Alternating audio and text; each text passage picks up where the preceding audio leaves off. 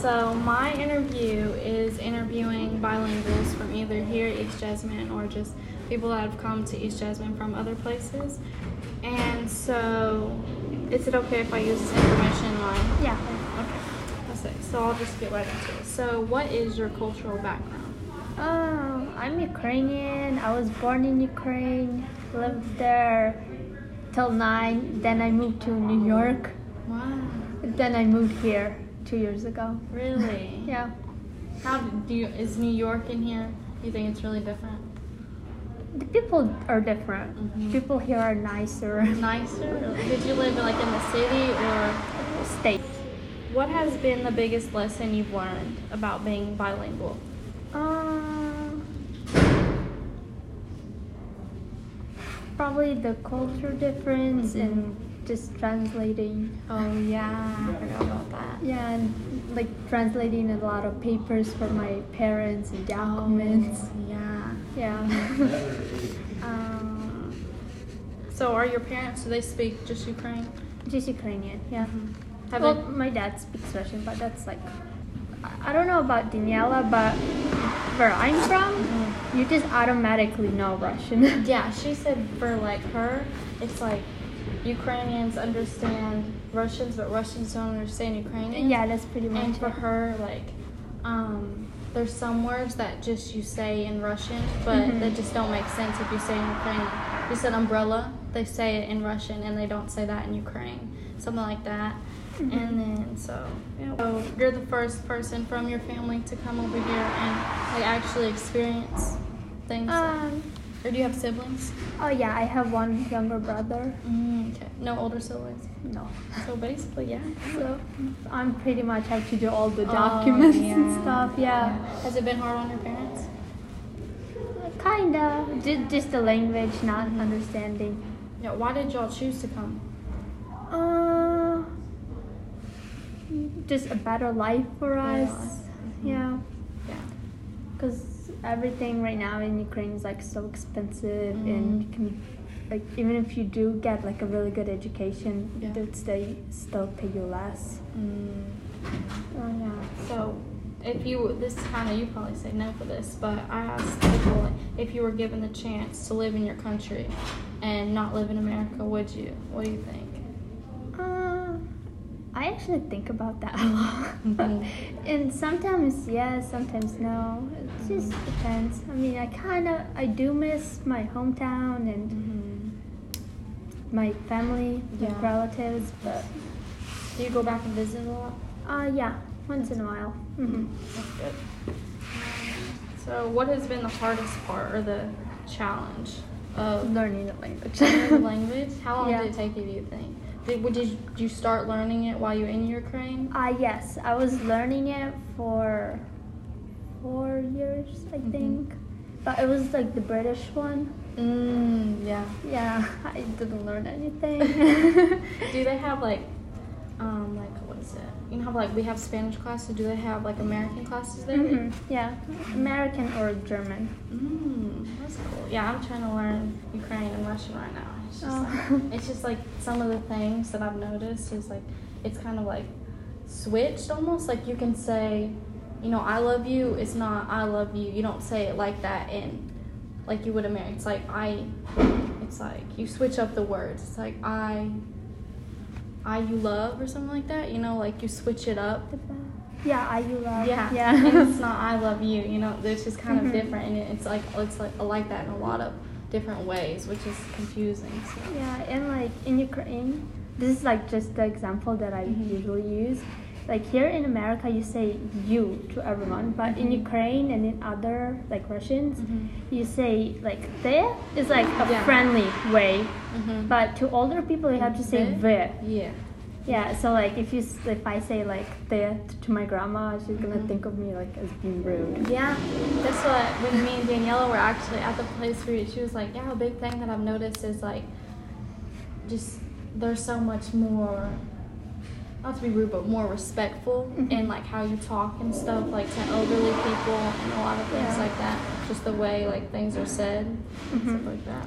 And like some parents, a friend of mine, her mom like doesn't let her call her by like the.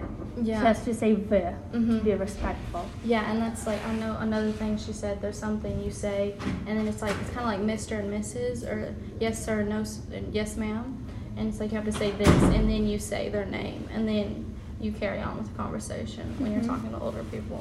I've noticed. Yeah. So, so, what is your favorite tradition in your culture? Um. Something that your culture does that not really Americans do.